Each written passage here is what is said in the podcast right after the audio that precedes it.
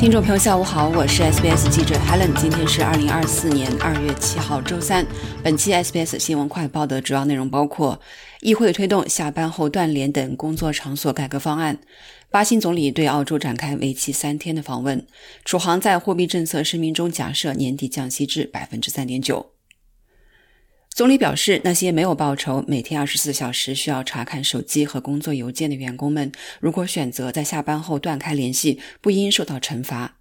议会正在审议一系列工作场所改革方案，旨在改善薪酬和工作条件，杜绝剥削。总理阿尔巴尼斯支持几位国会议员提出的建议，他们希望对工人的保护能够更进一步，允许人们在规定的工作时间之外可以与工作断开联系。绿党领袖亚当·班特表示，正是他所在的政党在这个问题上推动了政府的工作，从而为工人赢得了与工作分割的权利。他说：“工人们将能够拒绝那些下班后来自雇主的不合理信息。我们知道这影响了人们的生活，让你更难与家人共度时光，让你更难做对你来说很重要的事情。”绿党说：“除非你因此得到报酬，否则你应该能够忽略下班后带来的电话和信息。”这一做法已经在几个欧洲国家立法推行。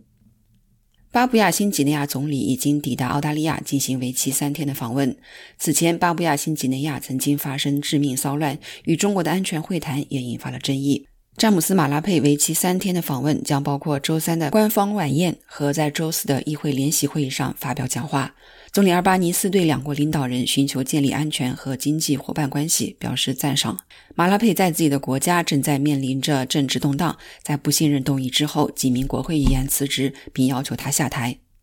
储备银行周二宣布利率保持百分之四点三五不变的同时，还发布了一份货币政策声明，包括对 GDP 和通胀的预测。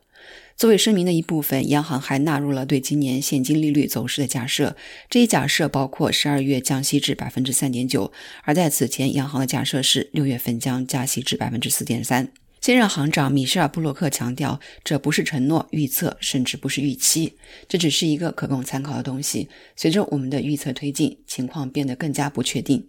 在通胀仍未回归目标区间的背景下，布洛克并不排除任何可能性，包括今年还可能加息。一些经济学家预测，最早可能在2024年9月左右降息。根据比较网站 RightSet 的数据，国民银行和澳新银行目前预测只在今年11月会有一次降息。比较网站 Canstar 的金融服务集团主管斯蒂夫·米肯贝克尔说：“除非出现意外挫折，否则下一次现金利率变动将是下调。”他同时认为，尽管如此，降息可能至少还需要六个月的时间，而且即使利率已经达到顶峰，抵押贷款持有人也将再忍受一段时间的痛苦，然后才会有适度的还款减免。但通胀面临的一个威胁可能是来自政府的减税计划。BDO Economics 的合伙人安德斯·马格努森表示，一个轻微的风险是，第三阶段减税政策的变化可能会对通胀造成压力，因为这并没有被纳入央行的最新预测中。好了，感谢收听本期的 SBS 新闻快报，我是记者 Helen。欢迎您在苹果播客或 Spotify 搜索“新闻快报”，点击订阅，开启消息提醒，即可了解澳洲国内外新闻及社区信息。